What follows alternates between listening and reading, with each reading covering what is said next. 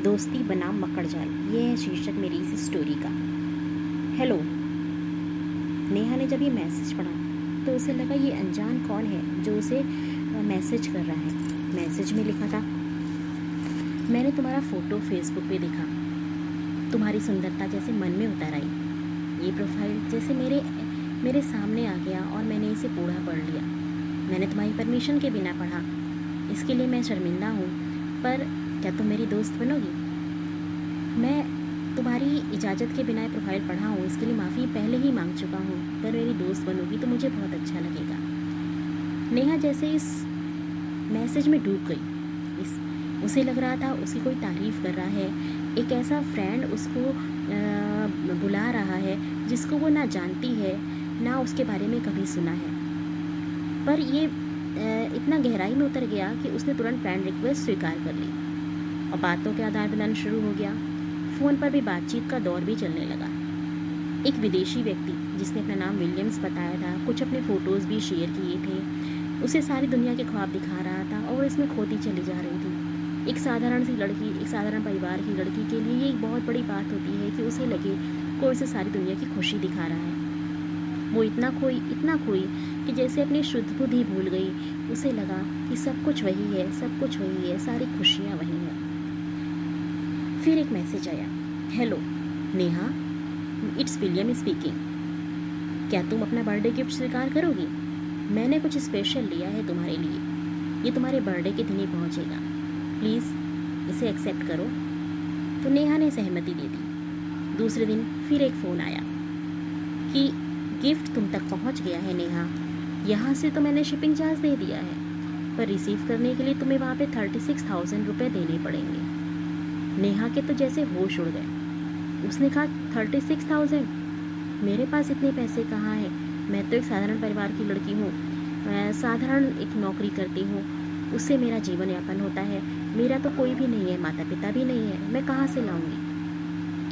William ने कहा, जाओ, मैंने तुम्हारी फ़ोटो पे देखा। तुमने गोल्ड भी पहना हुआ है। जाओ जाके गोल्ड ले, अपना लेके जाओ और वहाँ से कुछ लोन ले लो। पर मेरा इस प्यार भरा गिफ्ट को ना छोड़ना। तो मुझ पर विश्वास करती हो ना? प्यार भरा गिफ्ट ना छोड़ना। नेहा फिर यहाँ डूब गई। विलियम्स के ख्याल में उसने कहा, ठीक है ठीक है, मैं चाहती हूँ। रोहित, जो नेहा का पड़ोसी था, इन सब बातों को सुन रहा था। पिछले कुछ दिनों से उसने नेहा में आए बदलाव को भी देखा था। उसने सोचा, अब इसे इस मकड़जाल से निकालना पड़ेगा, पर कैसे? रोहित ने सोचा, चलो नेहा को समझाते हैं। नेहा को जब उसने समझाया तो नेहा तो जैसे विलियम के नशे में थी, उसने कुछ भी समझ में नहीं आया। रोहित ने कहा, ठीक है, चलो डिलीवरी के लिए घर पर बुलाओ। मनी को ट्रांसफ़र मत करना। इतनी सी बात तो मान लो। तो नेहा ने बात मानी। उसने कहा, चलो गिफ्ट तो मिल ही जाएगा, चाहे कैश ऑन डिलीवरी देना, चाहे आप मनी ट्रांसफ़र करो। तो नेहा ने कहा, ठीक है। इस बीच रोहित ने कुछ ऐसी स्टोरी उसे सुनाई जो रियल लाइफ की थी, जहाँ पर ऐसे बहुत सी लड़कियाँ इन इन लोगों के चक्कर में आके अपना सर्वस्व गवा चुकी थी। नेहा को कुछ कुछ समझ में आ रहा था, पर पूरी तरह से नहीं। इसी बीच रोहित ने विलियम का डिटेल भी निकाल निकाल लिया और और सब कुछ नेहा के सामने रख दिया। नेहा जैसे लगा, उसका सब कुछ लुटने जा रहा था। एक सेकंड पहले आकर के रोहित ने जैसे उसकी दुनिया बचा ली। रोहित ने उसे बचाया, जिसे वो एकदम साधारण समझती थी, जिसे वो लगता था वो कुछ भी नहीं कर सकता।